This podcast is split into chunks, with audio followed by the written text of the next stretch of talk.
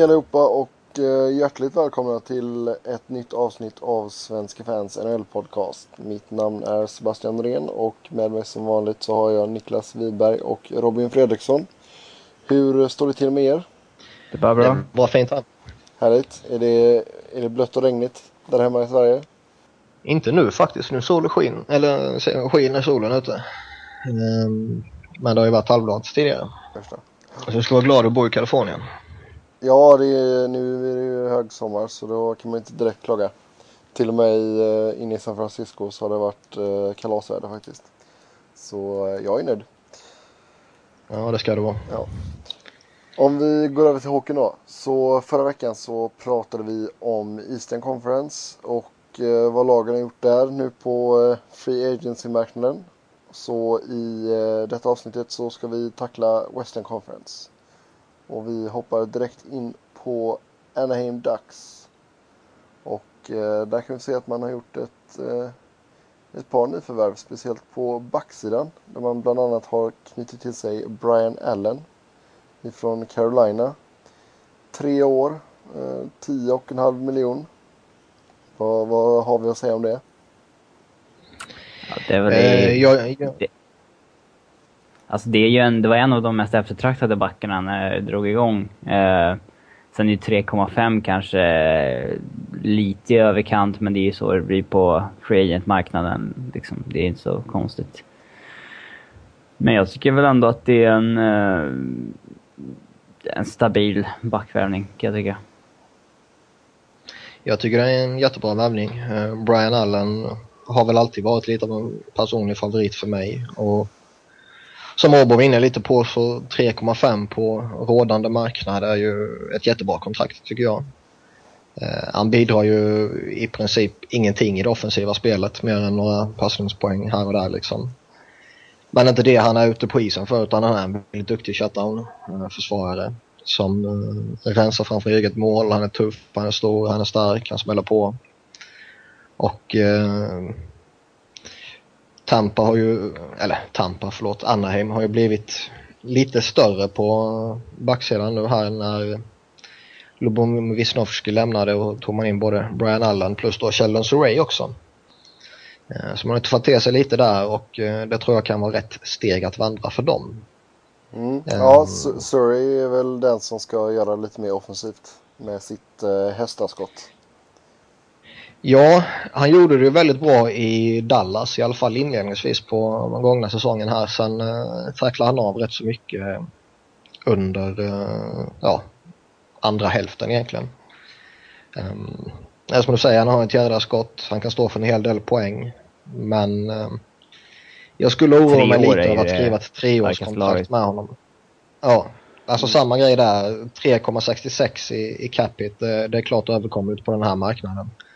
Ehm, men som sagt, han har haft några år här nu där han har varit väldigt, eh, väldigt mycket upp och ner och framförallt mycket ner. Och ehm, gå in och, och skriva ett rakt treårskontrakt med honom, ett 35 plus kontrakt dessutom.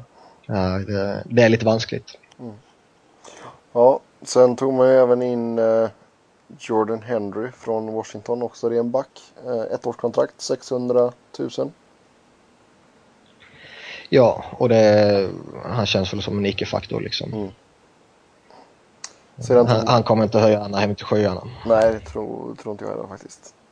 Eh, sedan så skrev man även ett kontrakt med Brad eh, Staubitz från Montreal. Eh, han fick ett tvåårskontrakt med eh, 637 och en halv tusen ja, per år. Ja, ehm, en tuff spelare. Um, backar inte undan. Kommer, är värvad för som, ja i princip en ersättare till George Parros som man tappade då ju. Mm. Och han kommer stå upp både för sig själv och för laget. Så det, där borde det inte vara några problem från Anaheims sida. Um, annars är det väl mest intressanta för gemene man kring Anaheim, lite med Bobby Ryan, vad som hände där. Um, han kopplas ju samman med en hel drös med lag och har ju mer eller mindre själv sagt att han vill bort från Dags nu och en duktig målskytt till en bra kontrakt liksom. Sen uh, verkar ju Anaheim ha satt ett, ett riktigt högt pris på honom. Och nu är det ju bara att avvakta och se vem, vem som viker sig först om, om man ska säga så. Mm. Vad, hur många, har, har man koll på hur många år han har kvar på sitt kontrakt? Han har ju tre år kvar, en capita på 5,1 miljoner. Mm. Och eh, för en ung spelare som är god för 30 mål och, och om han får en bra kemi med någon toppcenter kan till och med öka den målskörden med upp till 40-50 mål kanske med, med rätt flyt så, så är det ett bra kontrakt. Ja, han har legat över 30 mål fyra säsonger i rad så att han, han är en högst pålitlig målskytt liksom. Uh, sen är det väl lite märkligt att uh, ja, det, det är något som inte riktigt stämmer där i och med att han inte verkar komma överens med några tränare och sånt där och samtidigt som han inte verkar vara en så här, ja, ge dåligt intryck i intervjuer och sånt där man har sett. Uh, det är lite det, det är lite märkligt faktiskt. Mm, ja, men jag ser, han kanske bara tröttnat på att vara där och kommer han inte överens med alla så kan man förstå att han vill bort och det verkar ju verkligen som att han eh, flörtar ganska hårt med eh, Philadelphia bland annat. Så. Ja, det, det är ju hans barndomslag och, och som Flyers-supporter skulle man väl inte ha något emot honom i, i laget alls beroende på kostnaden för att ta in honom givetvis. Mm. Anaheim sägs vilja ha en andra center i utbyte och väldigt många lag är väl inte redo att ge upp det i dagsläget. Yes. Ja, ska vi gå vidare till eh, Calgary Flames då? Där, eh, det kan vi göra. Där har man väl, ja, de har inte gjort så jättemycket. De har ju skrivit en del nya kontrakt som de har gjort. Men eh, annars är väl den stora grejen att de tog in Jiri Hudler från Detroit. Eh, för Eh, 16 miljoner totalt eh, sett över fyra år. Ja, jag tycker att Calgary är ganska... Både Wideman och Hudler beslutet tycker jag är ganska korkade affärer för att de liksom vägrar inse att de måste göra en rebuild och bara knyter upp sig på kontrakt med spelare som är i sin prime just nu och kommer att pika. Eller ja, gå ner när som helst. Eh, kan Hoodler göra som han gjorde i, eh, i Detroit, 25 mål och 25 assist, så eh, visst, 4 miljoner är kanske okej okay då, men det är, liksom, det är ändå ett kontrakt i överkant. Eh, men jag tror inte att han kommer sätta upp sådana siffror utan Zetterberg bredvid sig och det är en väldigt ojämn spelare och sånt där som jag aldrig skulle vilja ha i, i laget till 4 miljoner dollar. Ja, han känns väl lite som det här årets version av Ville Leino. Eh, som kommer från en väldigt stark säsong men som är ett, ett litet frågetecken och, och nu får välbetalt kontrakt i en annan organisation efter att ha, haft eh, bra kemi i, i sitt gamla lag med de spelarna han lirade med där så kommer han ut till ett helt annat lag och det ska bli väldigt spännande att se vad han kan göra. Eh, jag tror väl inte han kommer nå den nivån han hade i Detroit. Eh, även om han får gå in och spela med Jerome Iginla. Eh, Iginla är en väldigt duktig spelare på alla sätt och vis men han känns inte som den som som kanske i dagsläget eller i den här fasen av sin karriär går in och höjer en, en lite tveksam spelare på det sättet. Ja, det känns som att Hudler kommer få lite mer press på sig nu också faktiskt. Detroit, ja, verkligen. Detroit har ju en hel drös med andra spelare som ska vara de bärande liksom, så det är inte så att han har behövt liksom vara den stora fixstjärnan. Nej, och, och, det är en av de här sakerna som ska bli så spännande att se. Vissa klarar ju inte alls av den pressen medan vissa spelare omfamnar den och, och höjer sig eh, flera snäpp av det. Mm, men som Robin var inne på där lite att de, de inte inser att man kanske behöver göra en rebuild. Det, det håller jag med om helt och hållet. Men jag tror inte att man skulle kunna göra det så länge Jerome Ginla spelar i Calgary. Eh, utan så länge man har honom där då tror jag man känner en, en viss form av skyldighet att uh, försöka sätta ett konkurrenskraftigt lag på isen. Um, och det har de bevisligen inte lyckats med de senaste åren här i alla fall kan jag tycka. Men jag tror ändå det är en viktig del i, i spelet att hålla honom uh, nöjd och glad och visa liksom att ja, men vi försöker i alla fall. Ja, alltså Så är det man... kanske inte läge att skicka honom till typ Flyers mot ett första val och en, en, en vettig prospect eller någonting och ja. Ja, i, in, inte nu känns det som. Uh, 7 miljoner capita är uh, lite saftigt nu. Um, han går in på sista året här nu så det är framåt trading deadline om, om Calgary är, är borta här då och han själv går med på det givetvis. Han har ju no movement-klausul så, så är det väl en spelare man bör försöka bli av med i alla fall. Men han kommer ju vilja gå till en contender då. Det är väl ganska man, tyck, man tycker det, man tycker det. Mm. Ja, som ni nämnde innan så förlängde man ju med Dennis Wideman. Han fick ju 26,25 miljoner dollar för fem år. Och man skrev även kontrakt med Blake Comau, Corey Serich, Lee Stepniak. Alltså är det här verkligen rätt spelare som ska, som ska göra Calgary till ett slutspelslag? Alltså Dennis Wildmans kontrakt är väl det mest, ett, ja, om inte det korkaste så är det väl ett av de korkaste som har skrivits, ja, senaste veckorna, kan jag tycka. Eh, uh, 5,25 miljoner över fem år, inklusive en no moment-klausul för en back som är oduglig i egen zon och gör 35-40 poäng framåt. Det är ju det är helt sjukt egentligen. Det, ja, jag, jag förstår inte vad varför de skriver det här kontraktet överhuvudtaget. Mm. Nej, jag, jag, skulle förstå om ett lag som verkligen kämpar om att nå lönegolvet skriver ett sånt kontrakt. Um, då, då, kan man förstå det, typ Florida förra året. Um, ja, när han var i Florida till exempel. Ja, ja de har, har inget alternativ. De måste skriva dyrt eh, kontrakt med honom bara för att kunna ta sig till lönegolvet till exempel. Men eh, Calgary har ju en av de eh, högst betalda trupperna här nu så det, det känns jättemärkligt. Och, och man tycker samtidigt som att eh, Calgary är lite halvdana i dagsläget så borde de inte behöva överbetala så brutalt för att få halvdugliga spelare till sitt lag liksom. Mm. Ja, nej. Calgary är väl de, jag, jag, vet inte, jag tycker det känns som att de börjar bli eh, lite, de påminner lite om Toronto nästan de har ju fått lite förlorarstämpel på sig, så är det ju. Mm. Um, sen, uh, alltså det, det, är svårt att sätta fingret på det också för det, de har ju en hel del spelare som när man tittar på namnen ändå känns som ja men det här är ändå stabila spelare. Alltså Iginla är jätteduktig. Mike Camilleri är bra. Hudler kan ha en väldigt hög högsta nivå man kan också ha en väldigt låg lägstanivå samtidigt liksom. Eh, Roman Cervenka ska bli väldigt spännande att följa. Eh, sen har de liksom Jay Boomeister som givetvis är ruggigt överbetald men som fortfarande är en väldigt duktig back på det sättet. Så det, och Mika Kiprosov får vi inte glömma heller. Så det, nej, det, det, det är ett konstigt lagbygge.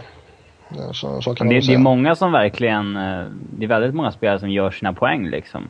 Men eh, laget blir inte bra för, ändå liksom på något sätt. Mm.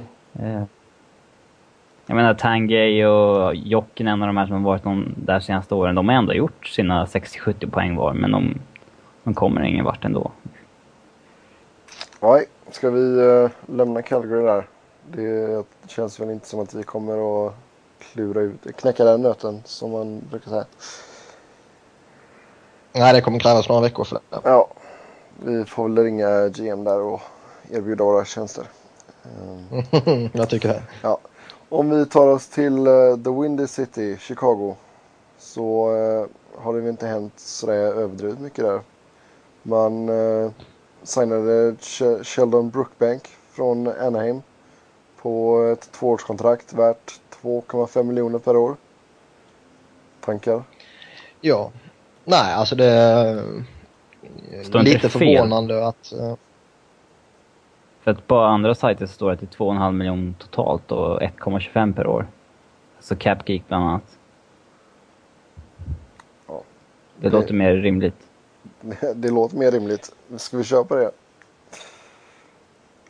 Ja, ja alltså jag, jag har också läst båda siffrorna så jag, jag vet inte vad som stämmer. Eh, säger TSN 2,5 så, så bör det ligga lite fog i det men jag har också läst som, som Robin säger att 2,5 är hela summan. Så vi får väl vänta och se helt enkelt. Om vi pratar om spelaren men, Brookbank då istället för hans eh, lönecheck. Ja, jag, jag, jag tänkte säga det men sen var det så klokt så du hann före.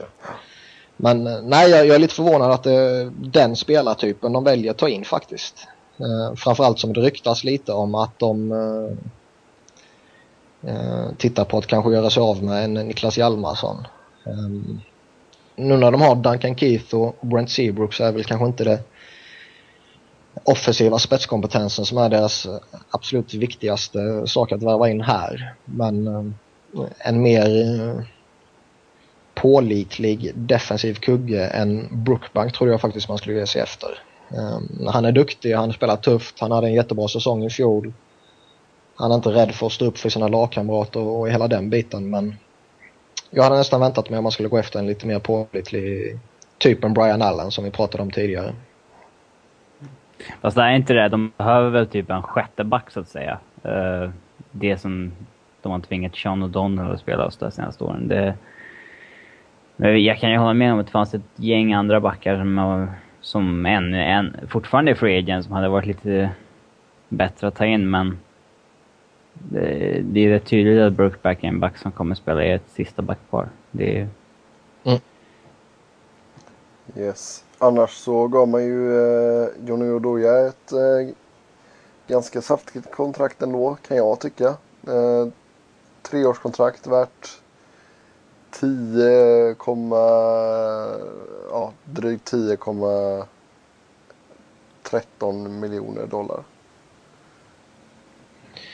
Ja, och det är också ett jättekonstigt kontrakt när han signerade det. Eh, en duktig spelare givetvis, men... Eh, nej. Det var ju lite som att eh, de typ såhär skämdes över mycket att de, de hade gett upp för att få honom vid trading deadline och var tvungna att ha kvar honom för att det inte skulle vara att slänga bort två andra val liksom. Mm. Och att ha honom där en månad och sen... Det... Ja. Jo, men samtidigt tror jag att de hade nog kunnat erbjuda honom mycket mindre pengar och han skulle ändå tackat ja. ja man tycker de, det. Man vet, de, de förhandlade ju ändå i flera veckor. Hade han gått med på mindre så hade de förmodligen skrivit mindre någon gång. Så att, eh, ja, jag vet inte. Jag tror både Oduya och hans agent skrattar hela vägen till banken i alla fall. Det bör de göra. Ja. Annars så skriver man ju också nytt kontrakt med eh, Jamal Mayers. Han får eh, 600 000 dollar för ett år. Ja, och det är också en bra rollspelare för en fjärde kedja. Mm spela tufft och hårt och, och liksom stå upp för sig. Så det, det är sådana spelare man behöver. Yes. Ja, ska vi röra oss västerut då och eh, titta på eh, Robins favoritlag Colorado Avalanche. Där har det hänt en del. Ja, de har faktiskt gjort en, en del saker. Ja. Uh, jag tänkte att vi börjar med PA Parenthow. Eller Parenthow. Som man ja. tog in från New York Islanders. Fyra år. Fyra miljoner per säsong. 16 mille totalt. Eh, vad ska man säga om det? Är det värt det? Alltså jag, jag tycker väl ändå... Före, före freelancemarknaden öppnade så varnade lite för att Parent kunde bli årets Ville Leino liksom. Uh, men uh, jag tror ändå att det kan vara smart av en klubb som Colorado som liksom inte ens har gått slutspel och sånt där att chansa på en sån kille. Uh, man har två ganska inkörda kedjeformationer, sen har man liksom Hayduk och Duchene som är över och då känns det rätt passande att få in en, en playmaker som Parento. Och uh, miljoner dollar för uh, en spelare, alltså per år för en spelare som gjorde 67 poäng i fjol känns ganska, det känns ganska okej okay på free agent-marknaden. Liksom. Man har ju sett en del andra kontrakt som kan rusa iväg rätt rejält. Mm. Uh, jag tror att det var rätt smart att han var den första personen de ringde också. Hade de lagt upp ett jättekontrakt på Paris eller suttit och väntat eller någonting så hade Parent spelat i ett annat lag nu. Uh, Ja, i och med att det har så mycket fokus på just uh, Parisi där bland de, av de offensiva spelarna så det var väl inte så jättemånga som tänkte på Parenthow. Nej. Eh, det fan, jag, jag antar väl att det var en del eh, en hel del klubbar som ville ha. Han gjorde ändå 67 poäng liksom, men Eh, Joe Sakic ringde honom en minut efter att man fick börja förhandla med Free agentsen. Så att, och då gick allt ganska snabbt, tydligen. Eh, det, jag, jag, kan tycka att det är en, en, spänn, en spännande värvning i alla fall. Liksom. Uh, även om jag är lite orolig för att det kan vara en Ville Leino. Liksom. Ja, det ska bli spännande att se om, om han verkligen är så duktig som siffrorna visar eller om han eh, bara, inom situationstecken, var en, en produkt av uh, John Tavares. Mm. Yes. Sedan så, jag, ja. Jag kan tycka att det är väldigt märkligt att Islanders inte är redo att matcha ett sånt kontrakt. För att liksom, har de hittat en spelare som har kemi med Tavares och gör 67 poäng bredvid honom så... Liksom 4 miljoner dollar, det är inte... Det är inte hela världen för, för det liksom. Det... Jag, ja, eller så vill han inte vara kvar. Inte... Nej, jag tänkte ju säga det. Jag spelar nog hellre i Colorado än New York Islanders alltså. Mm. Ja, möjligt. Faktiskt. Alltså, okej, okay, visst du bor i New York och allting men vad fan, spela i den jävla ruttna ladan till arena. Och så är det sånt sletet lag, nej tack. Um, ja. En annan kille som man lyckades uh, locka över från The Big Apple var John Mitchell från uh, New York Rangers. 2,2 miljoner uh, över två år, så ja, 1,1 per säsong. Känns väl uh, väldigt ja. överkomligt. Det känns väl... Uh, det är väl helt klart ett nedköp från Jay McClement som fjärde center. Det, McClement kändes som en, ut, en utpräglad perfekt fjärde center liksom, men uh, det är väl ändå en, en duglig ersättare liksom. Men det innebär väl att Ryan O'Reilly får gå tillbaka och spela betydligt mer boxplay och sånt där än vad han gjorde i år och det kommer väl hans offensiva siffror lida en del av för att John Mitchell har inte haft någon eh, historik av mycket speltid i boxplay direkt, men eh, ja, det känns väl absolut som en okej okay fjärde center att ersätta McClement med, även om det är ett steg ner. Yes. Um, sedan så tog man även in eh, Greg Sannon, back ifrån eh, Boston Bruins. Tvåårskontrakt där också. 2,25 mille per säsong. Ja, ganska... Först försökte man ju signa Matt Carkner men det gick ju inte så bra och sen så en timme senare så var ju Sannon klar istället. Uh, um, jag vet inte riktigt varför, uh, varför de värvade honom. Uh, för att de förlängde med Sean O'Brien, de förlängde med Ryan Wilson, de förlängde med Matt Hunwick. Men ändå så eh, uh, tog de in Greg Sannon. Och det är liksom ytterligare en, liksom en fysisk defensiv back som de redan har fem, sex stycken av på något sätt. Det var lite... Det är lite underligt faktiskt. Men det, det känns som att Sherman kan ha en, en trade någonstans i tankarna där med någon av de backarna de redan satt på. Uh, det är den enda eh, anledningen jag kan komma på. Mm. Och sen tog man även in Sean Sullivan tog man in igår från uh, Florida. Uh, eh, 575 000 för ett år. Men kommer han hålla till i AHL eller kommer han få chansen i? Ja, man har signat en hel del AHL-spelare så att jag är väl mera glad över att man har knutit upp Eric Johnson och ja, en del av de andra RFA-spelarna. Mm. Uh, Steve Downey signade för 2,65 miljoner, två år. Det känns, känns helt okej. Okay. Det är ett bra kontrakt kan jag tycka. Och sen uh, Eric Johnson på fyra år på 3,75. Det, det var också mindre än vad man trodde. Uh, trots att fansen brukar drömma lite om att kontrakten som skrivs ska vara ska vara mindre än vad verkligheten sen blir så har ändå Sherman på något sätt lyckats skriva dem på mindre pengar än vad folk trodde. Mm. Eh, det är väldigt imponerande faktiskt. Jag har trott att nästan varje kontrakt ska vara på mer pengar. Förutom ja, David Jones. Men ja. Ja, men samtidigt känns det ändå så som att Eric Johnson har en del att bevisa fortfarande i Colorado-tröjan kan jag känna.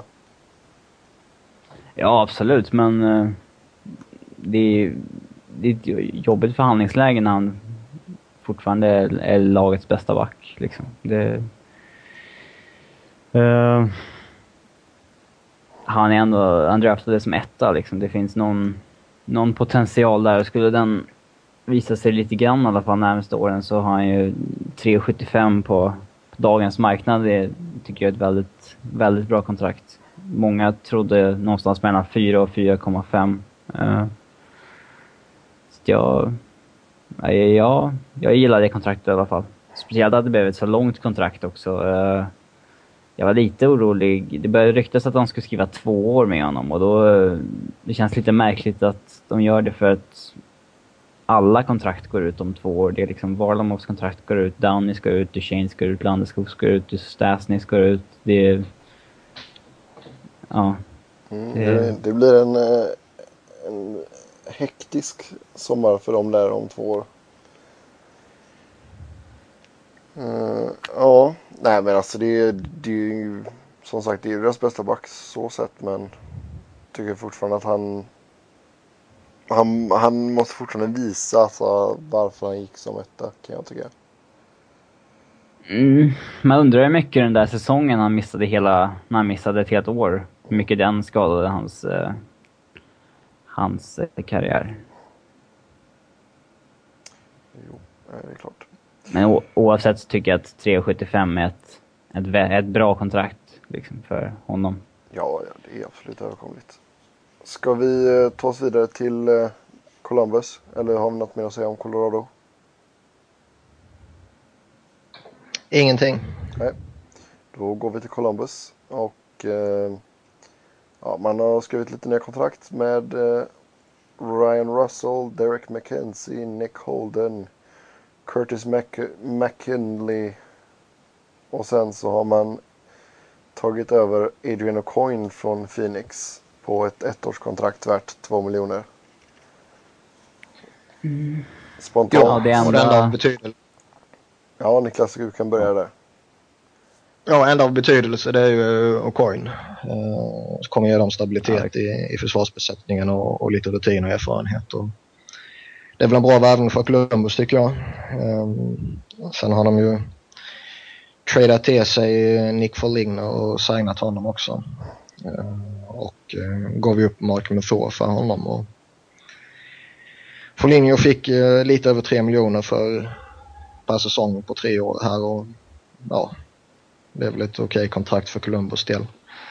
Um, den, den, stora snackisen för dem är ju annars liksom uh, Rick Nash, vad, vad som kommer hända där.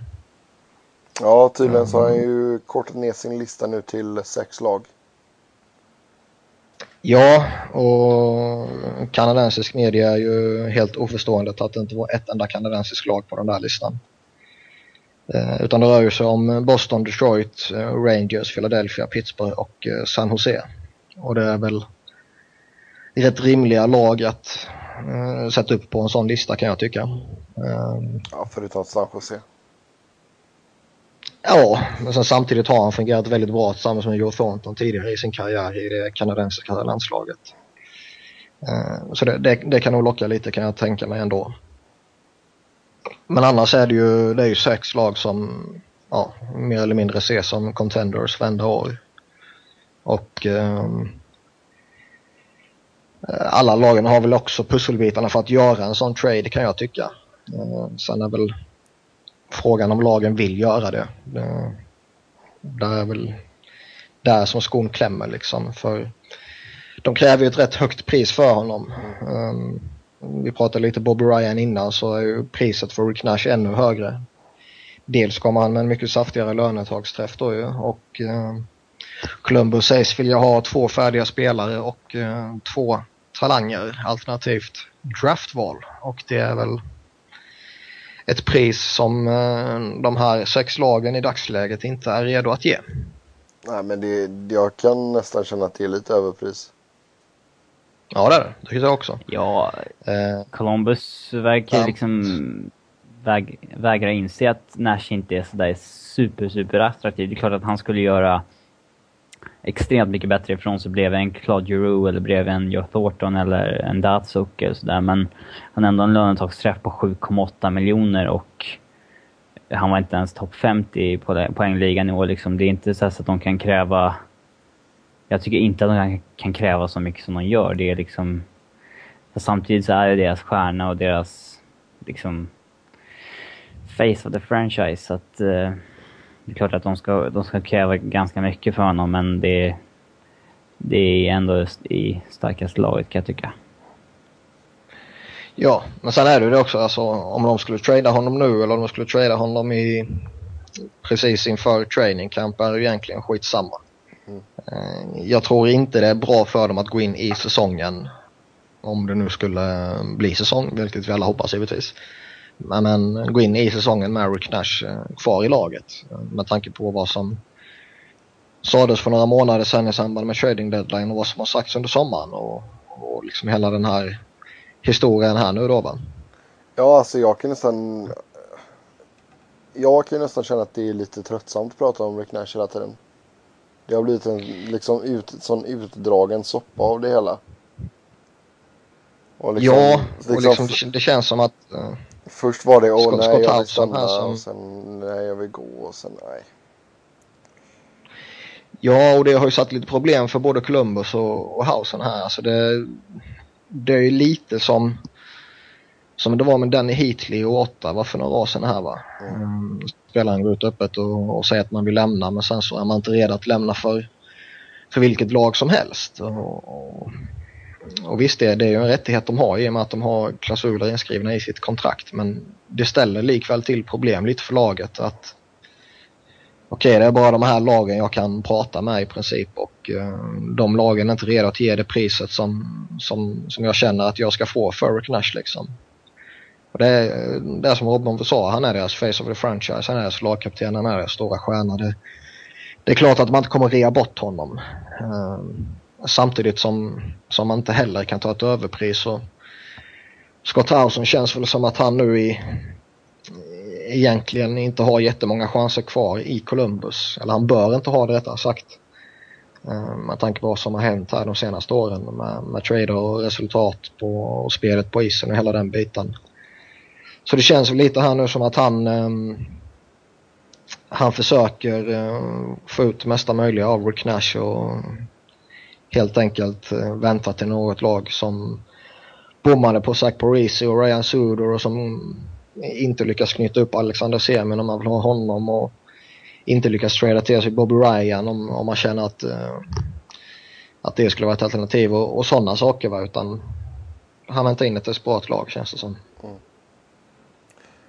Yes. Uh, ska vi lämna Columbus där? Ja, alltså förutom Rick Nash så finns det inget spännande att prata om. Nej. Då uh, rör vi oss över till uh, Texas och uh, Dallas Stars. Där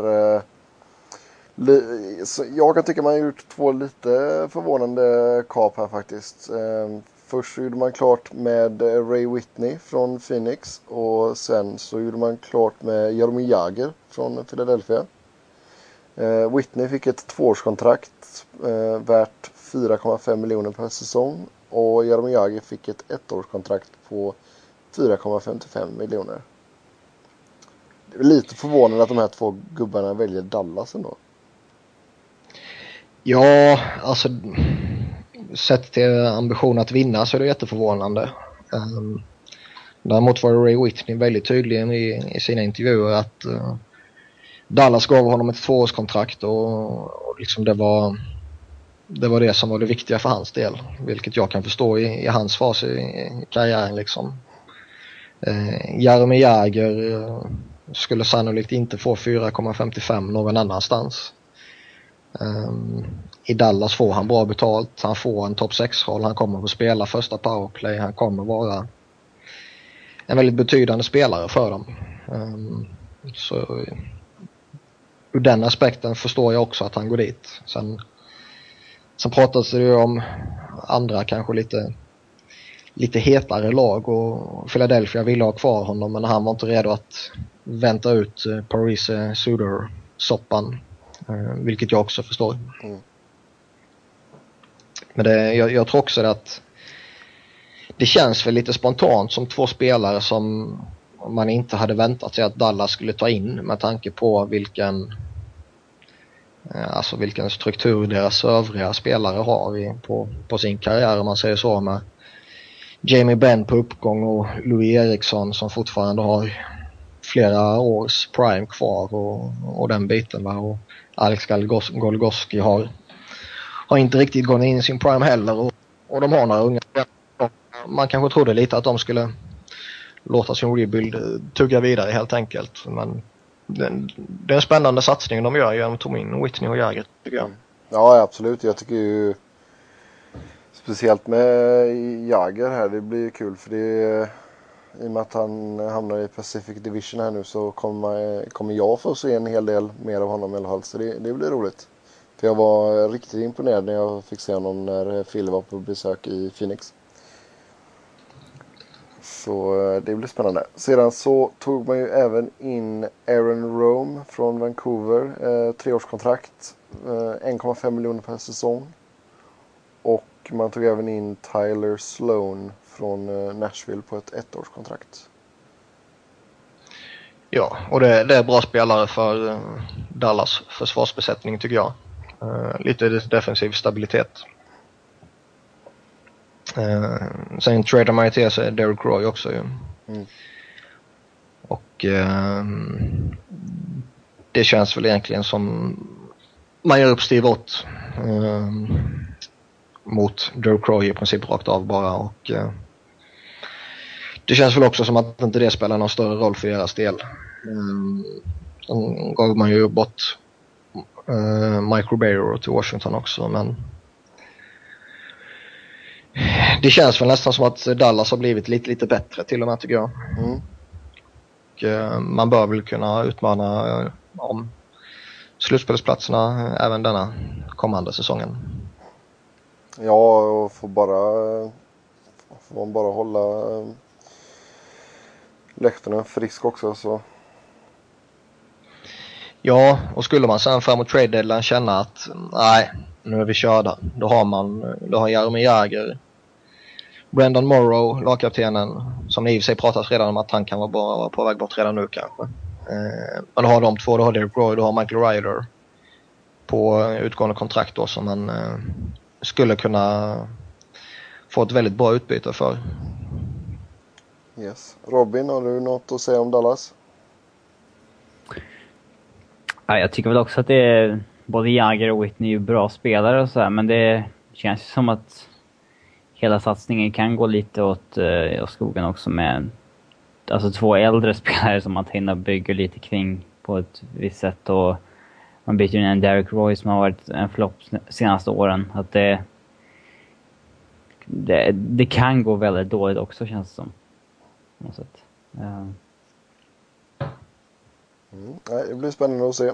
Ja, Pacific Division blir i alla fall en profil rikare i Jäger. Då, Verkligen. Då rör vi oss vidare till eh, Sverige. Nej, jag menar Detroit. Där... Den var eh, dålig. Ja, får ge ett försök, herregud. Är från Göteborg. eh, där man, ja, det är sant. Du är Ja, där man har skrivit kontrakt med eh, två svenskar. Eh, Jonas Monstret Gustafsson fick ett eh, tvåårskontrakt värt 3 miljoner dollar och eh, Mikael Samuelsson eh, blir en eh, nygammal bekant. Eh, han skrev också på ett tvåårskontrakt men han får dubbelt så mycket betalt, 6 miljoner. Ja, och även om eh, de här båda svenskarna plus Jordan Tutu eh, som också signade ett treårskontrakt där med 1,9 miljoners capita. Även om det är tre helt okej okay, eh, värvningar så känns det ändå som att eh, Detroits free agency så här långt har varit ett misslyckande. Det finns rätt uppenbara hål i deras försvarsbesättning Och eh, går man in i säsongen med Niklas Kronwall, Jonathan Eriksson, Ian White, Jacob Kindle, Brenda Smith och Kyle Quincy så är det väl en försvarsbesättning som kanske till och med kan få problem att ta sig till slutspel. Eh, med Jimmy Howard och Jonas Gustafsson i mål så bör väl inte det vara några jätteproblem kan jag tycka. Eh, forwardsbesättningen så länge Datsjuk och Zäta och liksom Filip och Franzén och, och, och de håller sig friska bör kunna leda laget helt okej okay också men försvarsbesättningen är ett problem. Man tappade Brad Stewart till San Jose där och uh, Niklas Lidström alla känner till och känner man inte till det så ska man skämmas men han slutar ju nu ju och man hoppas väl kunna åtgärda de problemen som, som finns där nu genom att plocka in Ryan Suter men det misslyckades man ju med som bekant. Mm. Vad, jag, jag, förstår inte riktigt vad, vad Holland sitter och pysslar med just nu för att han, alltså hela organisationen har kontrakt med fem backar och backbesättningen ser ruskigt svag ut faktiskt. Och jag menar, de måste ju ha in lite djup. Även om de, det kanske inte är de här spetsbackarna som finns på free agency-marknaden så de måste ju ha in alltså typ fyra, fem backar för att få lite djup överhuvudtaget. Ehm, jag menar, det finns många, så här, Scott Hannon, en Pavel Kubina som de kanske kan testa chanserna med, en Cam Barker, det finns eh, Rosival. Ja, Rosival skulle ha plockat in i deras eh, situation. Ja, det finns, det finns en hel del... Nej, men marknaden växer ju inte ju längre Holland väntar. Liksom. Så jag skulle försöka signa två, tre av de här ganska snabbt bara för att få lite djup eh, på backsidan. Eh, att, den, att de inte kommer få in den spetsen de har haft med Lidström är ju rätt uppenbart. Eh, men de måste ju... Jag menar, snart så försvinner kanske en Roosevelt från eh, free marknaden och jag vet inte riktigt vad Holland har för plan. Um, kanske har något... Ja, jag har ingen aning faktiskt, men uh, sen så eh, värvningen av Mikael Samuelsson känns väl... Den hade, den, den hade väl känts stabil för vilket lag som helst egentligen, men att uh, ska han ersätta Hudler, komma in som 36 år gammal och det känns ju inte som att det är rätt lag som värvar en 36-årig forward. Uh, visst, Samuelsson är en helt okej okay spelare men hade jag varit i Detroits situation så hade jag kanske hellre satsat på en, en gamble i en yngre Peter Mueller än en 36-årig uh, eh, Mikael Samuelsson.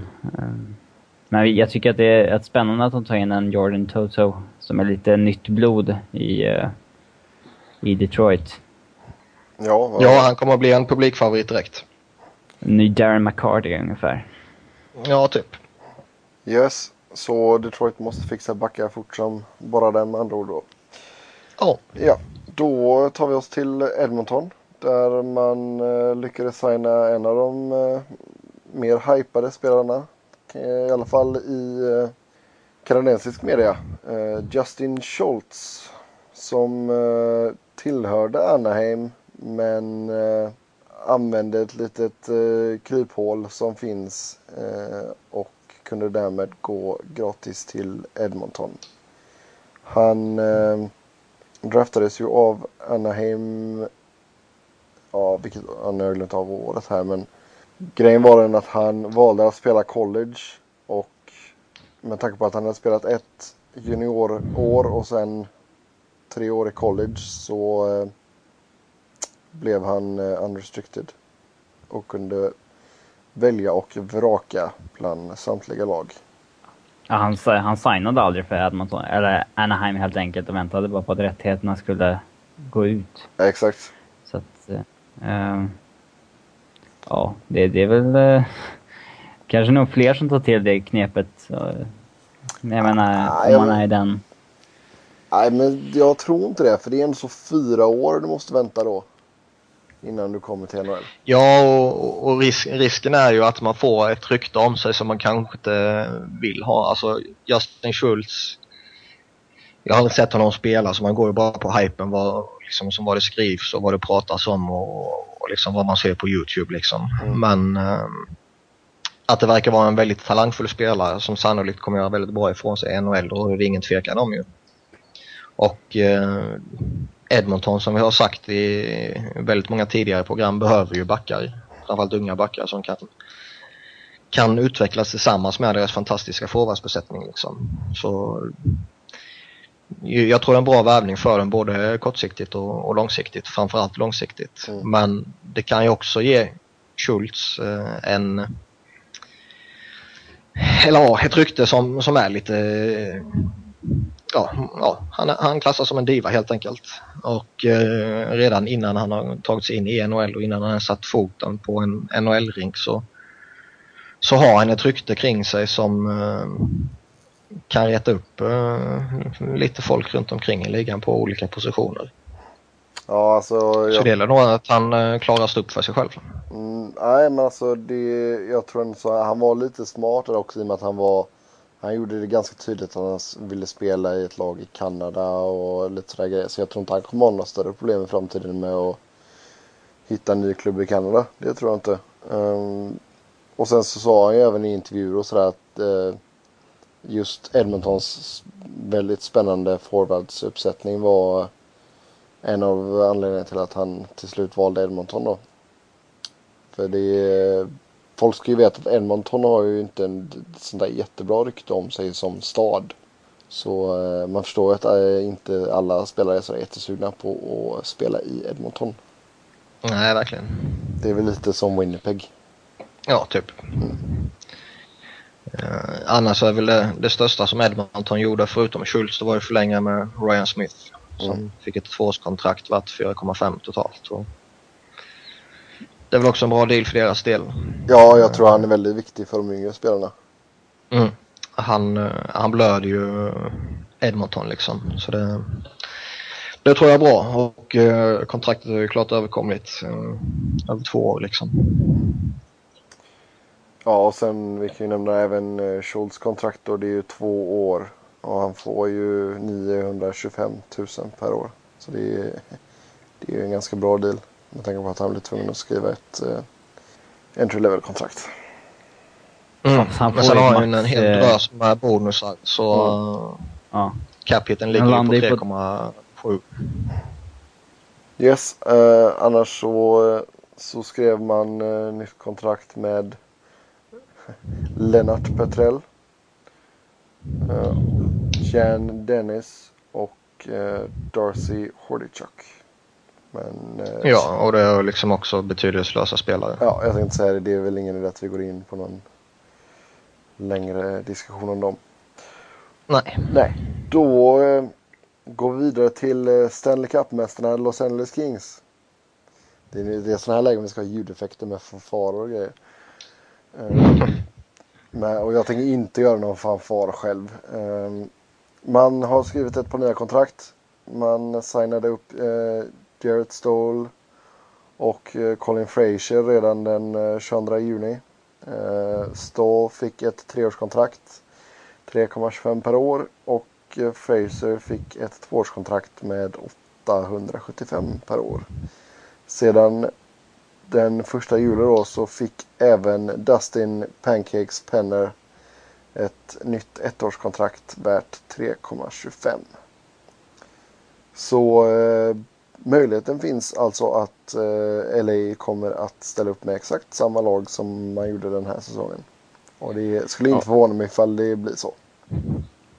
Ja, alltså de, eh, från att i vintras kanske snackat om att dumpa spelare som Penner och Stahl och så har de ju helt bytt fokus och betalat vad som krävs för att behålla de spelarna som tog dem till Stanley Cup helt enkelt. Eh, och fokusera inte på någonting annat egentligen, verkar det som. Nej, det, det det pratas om nu det är ju Shane Doe som om han lämnar Phoenix och det återkommer vi väl till lite senare gissar jag. Mm. Men man, kommer, man går hårt efter honom i alla fall.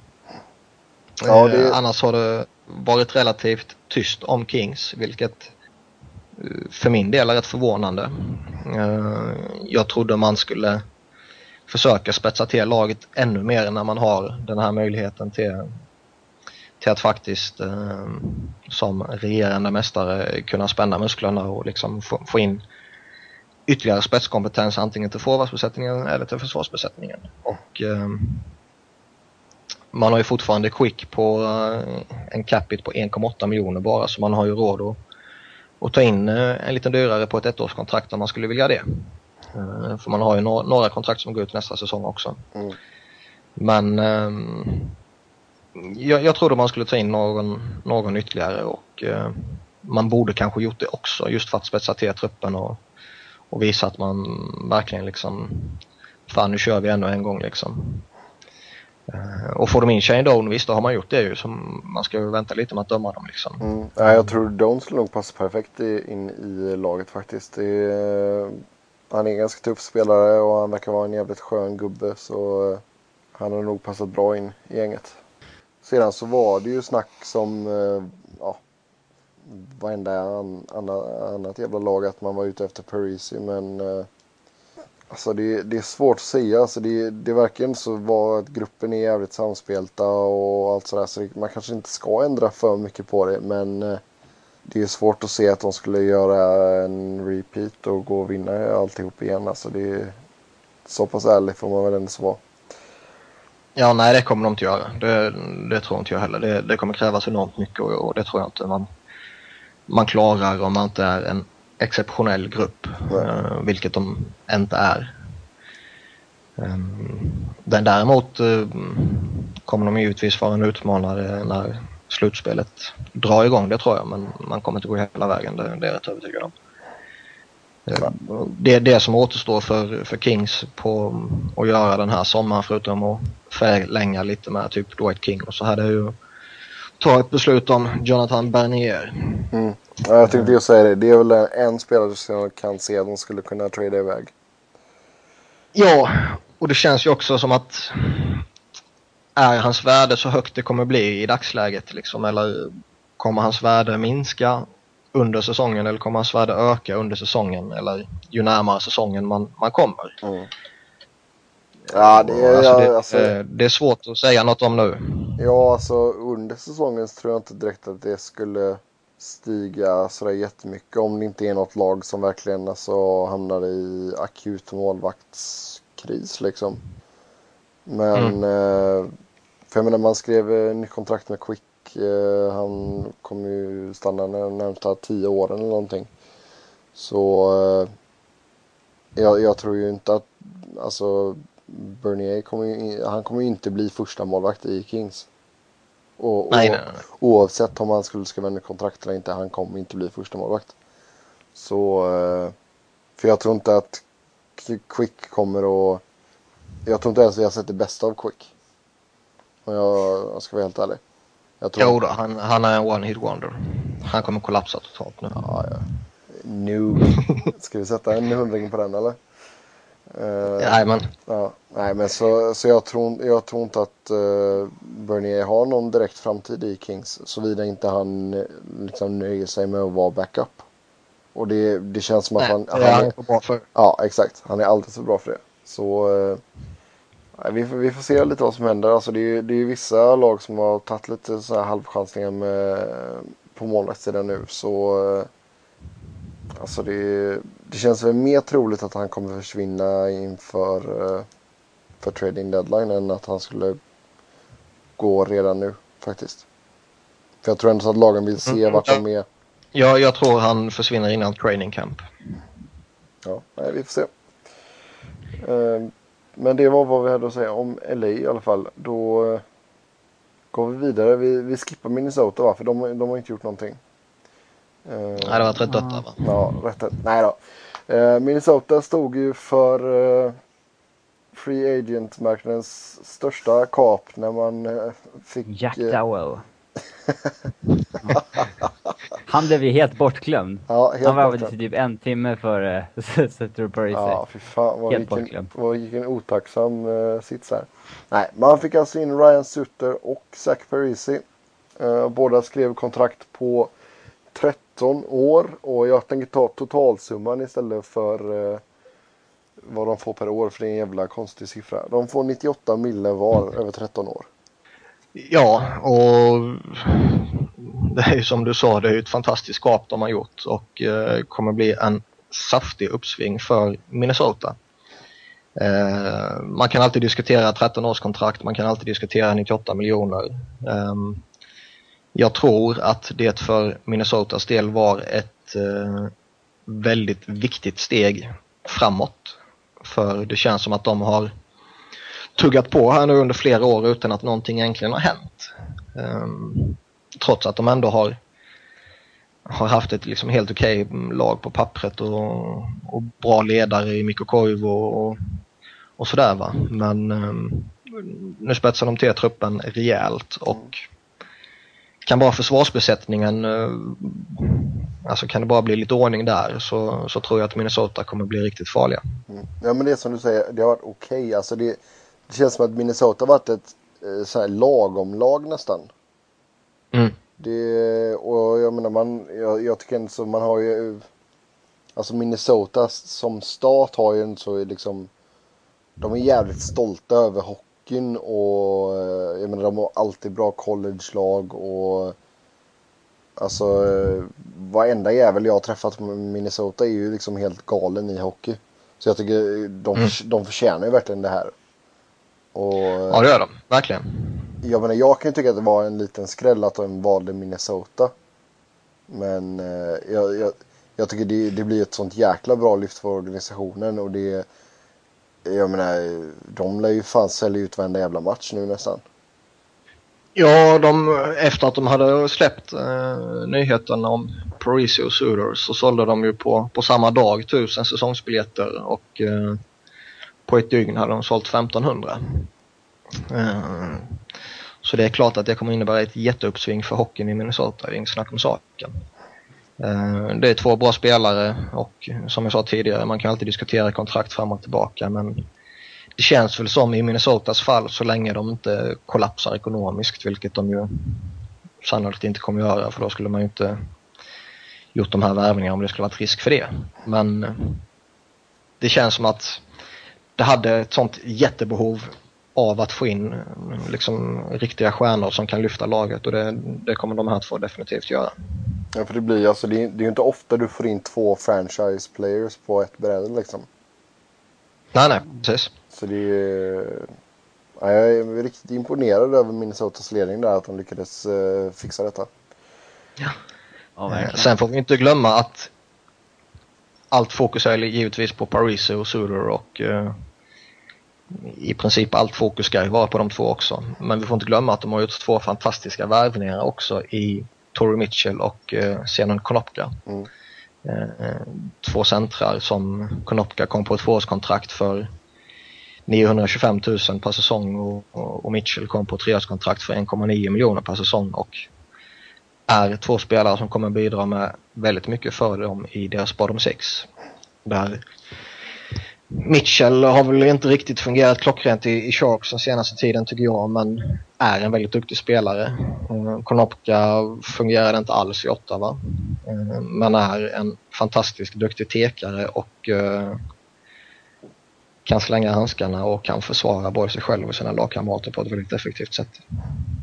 Ja, sen... Jag tycker, ja, tycker det ska bli väldigt, väldigt, väldigt intressant att se Eh, alltså Ryan Sutter är en av mina absoluta favoritspelare i NHL alltså, men eh, alltså utan Shea Webber, eh, det ska bli väldigt intressant att se om han är en back som är värd 7,5 miljoner dollar capita. För att, eh, jag menar det, det hjälper ju att spela bredvid världens bästa back. Eh, onekligen. Ja, det är inget snack om att det är en jävla skillnad att, att kliva ut på isen när du vet att du har, eller Shea Weber jämte dig och Pekkarinen bakom dig eller när du kliver ut på isen och du har Tom Gilbert eller Clayton Stoner eller Marco Scandella eller Nate Prosser jämte dig och en Niklas Bäckström som är lite, lite på nedgång faktiskt. Mm. Eh, men, men, som ja, sagt, det... jag, jag tycker att de här värvningarna är så pass viktiga för Minnesotas del att eh, det var värt att ta en liten, liten högre capita än vad som kanske egentligen skulle vara rimligt. Ja, alltså har man chans att ta in dem från free agents för en sån summa så gör man ju hellre det än att alltså trada till sig dem och ge upp någonting väldigt bra liksom. Det, det är klart. Uh, men det, det ska bli intressant att se hur du tacklar den här utmaningen att vara en en tydlig, verkligen en uttalad första back som ska ja, vara quarterback i powerplay och ja, han får en extremt stor roll. Parisi har inte samma, inte riktigt samma press på sig. Han, det finns ändå en ganska stark forwardsbesättning där redan med Koivu och de har en Granlund som kommer in och en Heatley som har varit dålig ett par år men ja, det finns ju ändå en, en del kvalitet kvar i honom och... Ja, mm. det... Nej men det är så. Det, det finns 98, 98 miljoner anledningar till att Ryan Suder nu ska ta klivet från att vara kanske, som han är i mina ögon, en topp 15-back i, i ligan till att kanske närma sig topp 5 till och med. Mm. Mm. det blir spännande att se. Man eh, tog även in eh, Brian Connolly från eh, Calgary på ett tvåårskontrakt också. Vi har, står inga siffror där men det känns väl helt okej okay att ta in en sån kille som Connolly va? Ja, en icke-faktor i sammanhanget kan jag tycka. Mm. Ja, det, man, har inte, man har inte tappat några betydande spelare heller. Nej. Ja, nej, det är bara att säga grattis till alla Minnesota-fans. Och så går vi till Nashville. Där man eh, blev av med Lindbäck och tog in Chris Mason istället.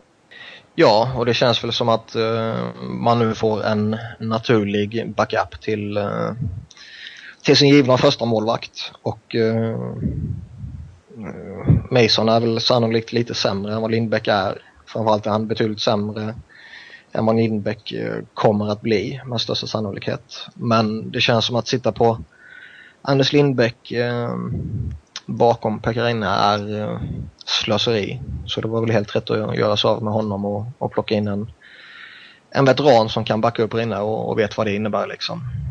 Eh, så det, det, det, tycker man gjorde ett, ett bra val. Mm. Annars så eh, skrev man ju nya kontrakt med eh, Hal Gill och eh, på Gostad. Gostad fick 3,25 miljoner per år, fyraårskontrakt. Och Hal Gill får 2 miljoner per säsong i två år. Ja, Paul Gostad är väl förmodligen en av deras bästa fjärde center, men alltså 3,25 för en, en sån center är väldigt det, ja, det, det är ju det kraftigaste laget, det är det ju. Eh, men det är väl en signing som de inte skadas av direkt. De har hur mycket cap space som helst. Eh, Hall Hallgale för två miljoner, det, det känns också helt okej. Okay. Lite konstigt att det var två år där, för att han är ändå 37 eller 38 år nu. Eh, men de är lite, de är en liten jobbig situation, Nashville. Med många kontrakt som har gått ut och de har tappat Sutter och de... Man vet inte vad som händer med Webber och då har man ju knappast ett jättebra förhandlingsläge med Sergej Kostitsin, Colin Wilson och andra i Kostitsin kanske man väl inte uttala sig att man absolut inte ska ha kvar honom i alla fall vad jag vet. Eh, det, de sitter i en lite jobbig sits. Alltså framförallt är ju problemet vad man ska göra med Shea Webber. Uh, eh, man har alltså de senaste åren tappat eh, Dan Hamoui och eh, Ryan Sudo nu för ingenting. Och går man tillbaka ytterligare några år så har Kimmo Timonen och Mark Sidishki också försvunnit från laget. Och eh, visst man har några spännande unga killar uppe i, i försvarsbesättningen men eh, alltså Shea Weber är ju det är ju han som leder det här laget. Och frågan är ju hur han kommer tackla det här med att Sudo lämnar och andra stjärnspelare har lämnat tidigare. Um, väljer han att skriva långtidskontrakt med Predators eller kommer han skriva ett ettårskontrakt för att kunna lämna som UFA nästa sommar? Alltså det, det, känns, det känns lite som att Nashvilles eh, framtid i princip står och hänger på vad Shea Weber kommer göra. Jo, det är sant. Och det är, jag menar, med tanke på som du sa att det, det är många av deras bättre spelare som lämnar. Så jag menar, man kan ju förstå ifall han känner att ja, vad fan ska jag vara kvar för? När det inte blir någon bättring liksom. Nej, och alltså Nashville kan ju definitivt inte eh, ha råd att, att, att tappa honom för ingenting nästa sommar heller. Så, så vill inte han signa upp eh, ett långtidskontrakt så då bör man överväga att trada honom redan nu. Ehm, och Shea Weber kommer ju generera ett fantastiskt utbyte i en trade. Ja, jag tänkte säga det. Där kan vi verkligen eh, casha in ordentligt. Mm. Och det är ju en, en av väldigt få spelare i ligan som jag personligen skulle vara redo att spränga banken för att få in i, i mitt lag liksom. Jo, men det, det tror jag många lag skulle göra. Så mm. eh, om eh, Kings tar och ringer till Nashville och eh, nej då. Ehm, det hade nästan varit lite för bra va? Det känns som det va? Ja. Så optimistisk kan man inte ens vara. Då tar vi oss vidare till öknen och Phoenix Coyotes. Där eh, ägarfrågan fortfarande inte är löst. Vi, eh, det var ju snack om att vi skulle få svar på det i måndags. Men eh, ja, jag som, som har bott där vet att domstolar och annat kan eh, vara lite sådär halvsega och ta god tid på sig. Och eh, så vi, vi, får avvakta och se vad som händer där. Eh, och i och med det så får vi också vänta på vad Shane Doan gör. Han har sagt att löser sig ägarfrågan och allting ser stabilt ut så har han absolut inga problem att skriva på nytt kontrakt. Men eh, fortsätter det att vara osäkert så kommer han att eh, shoppa runt och se vad han kan få för erbjudanden från andra lag. Annars så... Eller ska vi börja med att snacka Doan eller? Ja, ja. Eh, det kan vi göra. Det är ju det mest intressanta i Phoenix. Och eh, i dagsläget eh, den mest intressanta spelaren som är tillgänglig också på öppna marknaden. Mm. Och det personligen tror jag han kommer förlänga med Phoenix. Kanske det här bara är ett sätt att försöka sätta något eller någon form av press på, på både staden Phoenix men på supportrarna liksom att eh, eller invånarna i staden rättare sagt att liksom att uh, supporta laget och, och hela den biten. Så jag, jag, tror han kommer förlänga det så småningom. Um, men det är ändå intressant och uh, det är ju hur många lag som helst som är intresserade av honom. Um, och han kommer ju förbättra vilket lag som helst.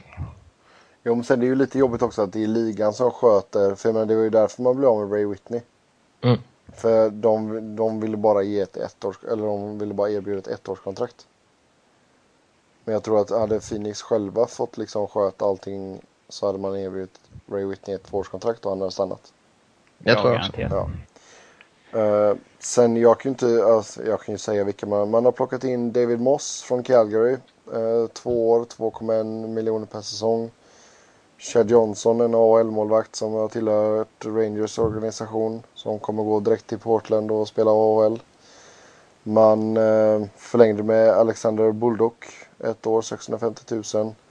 Man eh, fick in Chris Conner från Detroits organisation. Ett års kontrakt, samma där, 650. Samma för Rob Klink, Klinkhammer, eh, schysst efternamn, från Ottawa, 650. Och Steve Sullivan från eh, Pittsburgh, 1,85. Ett år. Jag tycker man, man har gjort en riktig dassig free agency än så länge. Ja, det har man. Man har tappat tunga pjäser i O'Coin, Whitney och Taylor Pratt. Och den enda av klass egentligen som har kommit in som jag tycker det är Steve Sullivan. Mm. Ja, men alltså jag kan, Samtidigt jag kan... känns ju han som ett uh, riktigt nedköp om man jämför med Whitney. Ja. Uh, för det känns ja, som det är hans ersättare. Mm. Jo men alltså det, det ser ju riktigt uh, alltså, stora frågetecken på vem det är som ska göra poängen alltså. För menar, man, man, man är ju inte ett lag som gör massa poäng. Uh, jag menar Whitney och uh, Radim Verbata var ju poängbäst förra säsongen. Så, eller ja, nu den säsongen som var här. Så eh, det är ett stort tapp med att man, eh, man fick eh, släppa taget om Whitney där. Sedan så kan jag väl känna att O'Coin, eh, det, det gör väl inte så jättemycket att han fick gå faktiskt. För jag tycker ändå att man är man är stabila på backsidan och man har en hel drös med, med unga spelare som står och knackar på dörren. Rundblad bland annat. Och även Chris Summers som fick spela en del har visat att han är uh, väldigt lovande. Ja, och man fick tillbaka Spinuk Michalek också här veckan ju. Ja, så backsidan tycker jag så ser bra ut. Däremot så hade jag ju som kanske är föga förvånande för uh, lyssnarna så hade jag väl gärna sett en annan backup till, uh, till ja, Smith än eh, Jason LaBarbera. Vi har lärt oss ditt förakt. Ja, men det, det lär ju inte hända med tanke på hur uh, nöjd han är med att sitta och öppna båset. Men det känns som att Phoenix behöver göra något. Alltså, de måste hitta på någonting. De måste ju få in en spelare som kan göra alltså, minst 60 poäng. Och det, Ja, just nu ser de inte alls ut som ett slutbeslag. nej. Eh, även om man räknar in Doan. Liksom. Eh, det, nej, det skulle ju vara om man lyckades vinna matcher. Alltså 1-0, 1-0. Ja, det är det som Ja. kommer krävas. Ja. Men jag menar. Det känns väl lite väl mycket begärt att begära att Mike Smith ska ha en sån kalassäsong igen. Som han hade denna säsongen. Ja, det är i alla fall ingenting man kan räkna med. Nej. För jag menar, så, och så många poäng som den mannen vann åt Phoenix på egen hand. Det är ju är lite skrämmande faktiskt. Men men. Eh, jag tycker vi lämnar Phoenix där. För det är som sagt det, det är inte så jättemycket mer att rapportera om. Det, det går inga direkta rykten heller om vem de skulle kunna ta in för att ersätta Whitney. Utan eh, mer eller mindre allting handlar om ägarfrågan och Shane Doan. Mm. Då eh, går vi vidare till eh, San Jose. Där eh, man som sagt eh, man skrev kontrakt med Brad Stewart. Han fick ett treårskontrakt. 3,6 mille per säsong. Eh, var, var det för dyrt eller var det bra gjort? Nej, det är okej. klart under marknaden. Ehm, Det, det känns ju som att han tar en rejäl rabatt för att kunna flytta hem igen. Mm. Han skulle kunna få både bättre betalt och ytterligare några år på ett kontrakt om han skulle eh, gått på, på marknaden men eh, ville flytta hem och fick en bra deal. Eller Sharks fick en bra deal rättare sagt. Mm.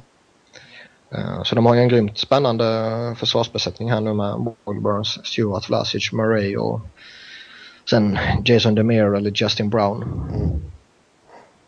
Ja. Sedan så från Dallas så plockar man in Adam Burrish. Han fick ett fyraårskontrakt på 1,8 per säsong. Mm, det är en spelare som jag gillar. Um, jobbar hårt, viker inte ner sig. Um, kanske inte alltid gör någon sån där jättesuccé i det offensiva spelet. Um, han brukar landa på strax under 10 mål. Och kanske skulle man önska lite, lite till. Ehm, men sen samtidigt spelar han fjärde center så ja, då är väl det rimligt också. Han har haft lite problem med, med skador och så under karriären. Så det, det, det är väl där som frågan, eller frågetecknet ligger. Yes. Annars så, jag tycker det har varit ganska tyst om San Jose ändå. Ja, alltså det är Rick Nash man kopplar samman med ju. Um, och frågan är om man mm, vågar göra någonting där. Det sägs att Columbus vill ju ha Lauren Couture och det kommer ju inte Sharks släppa. Pavelski också. Ja Mm. men släpper de Couture så är de ju dumma i huvudet. Ja, Det, Ja, det snackas väl lite om Joe Pavelski. Det är väl en center han skulle kunna, kunna ge upp. Eh, eh, sen får de väl eventuellt ge upp en av sina topp uh, top fyra backar. Skulle jag gissa. Ja. Vlasic eller men det, Array kanske. det är något man har råd med nu när man har fått in Brett Stewart. mm. Man har ju fem topp fyra backar nu och har ju... Man kan skicka en av dem och få något bra utbud liksom. Yes. Eh, jag tycker vi rör oss raskt vidare till uh, St. Louis. Som Mhm. eh, de skrev nytt kontrakt med uh, Barrett Jackman. Treårskontrakt. Um, ja, 3,166666 miljoner per år. Ja, och det är väl också... Eh, alltså han skulle också kunna få lite bättre tror jag på, ute på marknaden. Men eh, han, han verkar trivas bra, passa in bra i blues liksom. Så det, det var väl bra för båda parter att förlänga där. Um, annars har man inte gjort någonting av betydelse. Man förlängde med Jamie Langebrunner på, på ett år här på 1,25 miljoner. Och det är väl också något som som jag tycker är viktigt för dem att få, få lite eh, gamla erfarna veteraner som, som kan ta hand om alla de här unga killarna de har. Det ryktades att man var ute efter en back som kunde gå in och spela toppminuter tillsammans med Alex Pietrangelo. Och eh, man kopplade samman rätt mycket med Matt Karl till exempel. Men, men bommade där ju och eh, har varit på jakt efter ytterligare något namn eh, om man får, får tro ryktena som cirkulerar. Och det känns väl som att Blues efter den succésäsongen man hade här nu verkligen skulle gått stenhårt efter att förstärka laget eh, för att ta nästa steg här i, i utvecklingen både som lag men också för de yngre individuella spelarna. Eh, det har man inte gjort ju och eh, det är någonting som jag tycker man ska vara väldigt besvikna över. Mm. Ja, den enda man har plockat in det är ju Jeff eh, Wojwitka från New York Rangers eh, på ett ettårskontrakt. Värt eh, 700 000 dollar. Ja, och det är, det är liksom också skitsamma. Mm.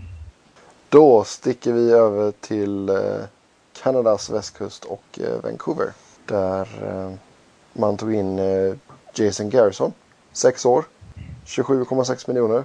Eh, Jason Garrison för 4,6 miljoner på sex säsonger. Det är väl absolut det kraftigaste laget kan jag tycka. Både antalet år och eh, lönen han fick. För att han har haft en, en riktigt bra säsong i Florida. Och det fanns en anledning till att han tjänade under en miljon innan det. Och det var inget entry level-kontrakt han satt på heller. Så att, eh, och ändå så säger de på TSN att han eh, lämnar bättre erbjudanden för att spela i just Vancouver, som är hans hemstad. Eh, eh han kunde tydligen få ännu mer pengar. Så att, eh, jag tycker att det är ett kontrakt i absolut kraftigaste laget. Ja, ja Jason Garrison ska väl ringa till eh, uh, Wideman och, och tacka lite också. Även om man skulle kunna få bättre betalt så känns det ändå som att 4,6 över 6 år är väl ingenting som han ens skulle kunna drömma om om man går tillbaka några, några månader i tiden bara. 4,6 sex säsonger, no trade-klausul i sin hemstad. Det är väl det är bra efter att ha gjort 33 poäng en säsong. Han hade 675 innan det liksom. Ja. Han kan ju flytta in hos mamma och pappa igen också så sparar han lite pengar där också. Eller ja. 27,6 mille får han över, efter, ja, under sex år. Det är, mm. det är inga dåliga pengar det är inte. Det klarar man sig på. Ja, även ifall man har en flådig livsstil som NHL-proffs. Oh ja. Annars så har det väl inte varit så jättemycket att hurra för från Vancouvers sida va? Nej, Nej man tappar ju Sami Salo och det var, det var väl inte konstigt heller. Nej. Han fick tvåårskontrakt, något förvånande från Tampa Bay. Och det är väl en spelare som fortfarande har en, en del kvar att ge men uh, det känns vanskligt att ge honom två år. Så jag, jag, tycker nog det var rätt av Vancouver att släppa honom. Sen har man skrivit ett nytt kontrakt med Mason Raymond också. Mm. Annars så är det ju även där en liten följetong. Det är fortfarande mycket surr om eh, Roberto Luongo. Och eh, vi har ju pratat om det innan på podden och det, vi är väl ganska överens om att eh, det är dags att skicka iväg honom. Ja, och det har han ju nu själv sagt också för första gången rakt ut att det har varit några trevliga år här men nu är det dags att gå vidare liksom. Eh, så nu är det inget snack om saken om att han, han vill lämna liksom. Om, om det var någon som trodde att ah, men det är bara spekulationer. För nu, nu har han ju själv gått ut och sagt det rakt ut. Och det, det, det är väl lite som, som med, med Rick Nash situationen att som du sa, det har varit en följetong och det har varit väldigt mycket upp och ner och, och fram och tillbaka. Och ena dagen är det ena laget intresserade och nästa dag så är de inte intresserade och liksom den fjärde dagen så kommer ett nytt lag in och sen eh, några dagar senare är inte de intresserade längre. Och det har varit lite namn som, som kommer och går men det har egentligen hela tiden varit eh, Florida och Toronto som har kopplat samman allra mest med honom. Och Toronto känns väl som ett logiskt lag att vara ute efter honom medan Florida är i mitt tycke lite eh, fel ute om man tar tillbaka honom. Mm. Går det några andra rykten om spelare som Vancouver vill ha in? Man sägs ju också gå väldigt hårt efter Shane Doan. Men eh, alltså det, det gör ju alla lagen som, som har löneutrymme och som uh, är konkurrenskraftiga. Yes, då var vi klara med Western Conference. Jag vet att eh, ni är lite sugna på att snacka om Tampa Bay. Så även fast det är ett östlag så eh, tar vi och tjötar lite om dem. Ja, det har ju hänt mycket sen ja. sist ju. Ja. Ja, man eh, har ju fått in eh, Matt Carl från Philadelphia. Mm. Och eh, det var väl för min del väldigt förvånande att han gick till Tampa Bay. Eh, med tanke på vilka lag som, som det pratades väldigt mycket om. alltså det var ju betydligt bättre lag som, som han ryktades dra intresse från. Och det blev alltså Tampa Bay Lightning istället och där fick han ju 6 år och 33 miljoner så det, det ska man väl kunna förstå varför han valde Lightning också. Ja, 33 mille och så ligga och gassa i solen i Florida, det är ju inte helt fel. Det skulle man inte tacka nej till. Nej. Och, eh, kontraktet känns väl saftigt eh, kan jag tycka. Men det är väl också lite som när vi pratade Minnesota innan att eh, Tampa Bay behöver göra det för att eh, ja, kunna ta nästa steg också. Behöver man stärka upp lite här och där och ska man få in spelare från öppna marknaden så krävs det nog att man överbetalar. Mm. Man har löneutrymme för att ge handen extra miljonen, extra en och en halv miljoner än man kanske egentligen är värd. Så det, det, det som är oroande i Kars fall är väl kanske längden på kontraktet istället för den lite höga capiten kan jag tycka. Eh, du som ändå har sett honom i Philly, skulle, skulle han passa tillsammans med, med Hedman i ett backpar? Jag tycker det. Um, han är ju... Han har en bra skridskoåkning och um, han följer gärna med upp i anfall. Han har en bra passningsspel. Killen kan däremot inte skjuta. Uh, varken direktskott eller med, med pucken vid klubban. Uh, så blir det bara liksom några konstiga fösare fram mot mål. Uh, han kommer gå bort sig defensivt oavsett vilket system han spelar i. Han är för het för att gå ut och jaga motståndare istället för liksom koncentrera sig på positionsspelet. Mm. Stora fördelar han har är att han kan logga tunga minuter. Mm. Han spelade i snitt 23 minuter på match i Philadelphia och eh, jag blir väl mycket förvånad om han spelar mycket mindre i, eh, i Tampa Bay liksom. Så det, den spelare som lagar tunga minuter kommer göra sina 40 poäng. Eh, framförallt nu med Steven Stamkos framför honom också. Mm. Och ja, så, så, länge man kan ta hans defensiva misstag, vilket man kommer se i varenda match, så, så är väl det en helt okej värvning för dem liksom. Han, han var skottfinta och sen passa över till Hedman så får Hedman skjuta. ja, typ. Sen har man ju skrivit kontrakt med Anders Lindbäck också efter att trada till sig honom. Mm. Fick ju tvåårskontrakt för 1,8 per säsong. Och eh, det känns väl nu här som att han eh, kommer få sin chans äntligen efter lite tid i skymundan av Pekarine då i Nashville som jag var inne på tidigare. Och eh, det ska bli väldigt, väldigt spännande att se vad han kan göra. Mm. Eh, som de flesta mål, unga målvakter kommer det väl vara en hel del upp och ner men eh, potentialen finns där och eh, frågan är bara om han når det om en månad in på säsongen eller om det dröjer till nästa säsong liksom. Ja, det, men det, det känns ju som, en, som ett sunt nyförvärv, eller hur? Ja, verkligen. Det var ju ett av de här lagen som var i jättebehov av att få in en uh, första målvakt efter att Dwayne Rolosons ålder äntligen kom ikapp honom och Mathieu Garon är ju ingen första målvakt liksom. Nej, Nej men jag tycker det, det, jag tycker det är bättre att man gick efter Lindbäck än att man, uh, man gick som klev på det här Longo-tåget liksom.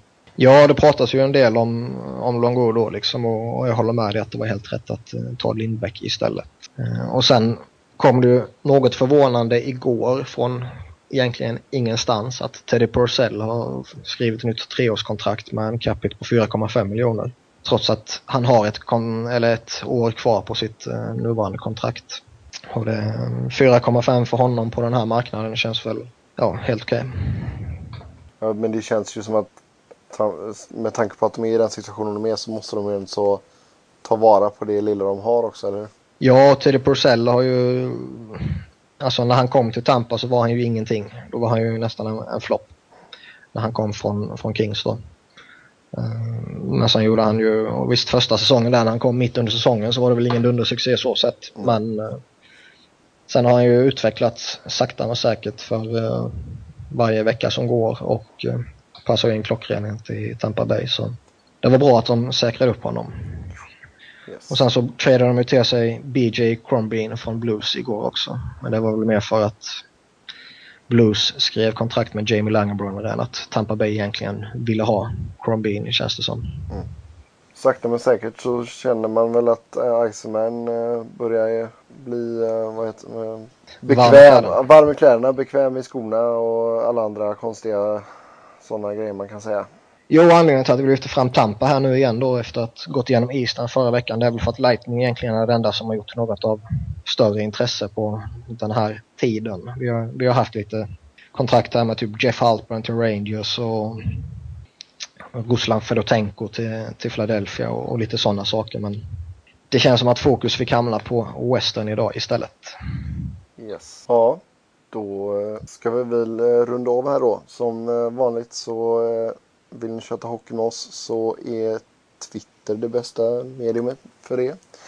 Mig hittar ni på Seb Noren i ett ord, Niklas på Niklas Wiberg i ett ord, Niklas med C och Robin hittar ni på R underscore Fredriksson, Fredriksson med två S. Sedan så kan ni också använda hashtaggen Svenska fans NHL podcast. Så kom gärna med frågor, funderingar. Är det någonting ni vill att vi ska ta upp så ja, skicka ett, eh, en tweet så ska vi göra vårt bästa för att ta upp ämnet eller besvara frågan eller vad det nu kan vara. Så ehm, tills eh, nästa gång så får ni ha det så bra så hörs vi. Ha det gött. Hej! Hej hej! Hej!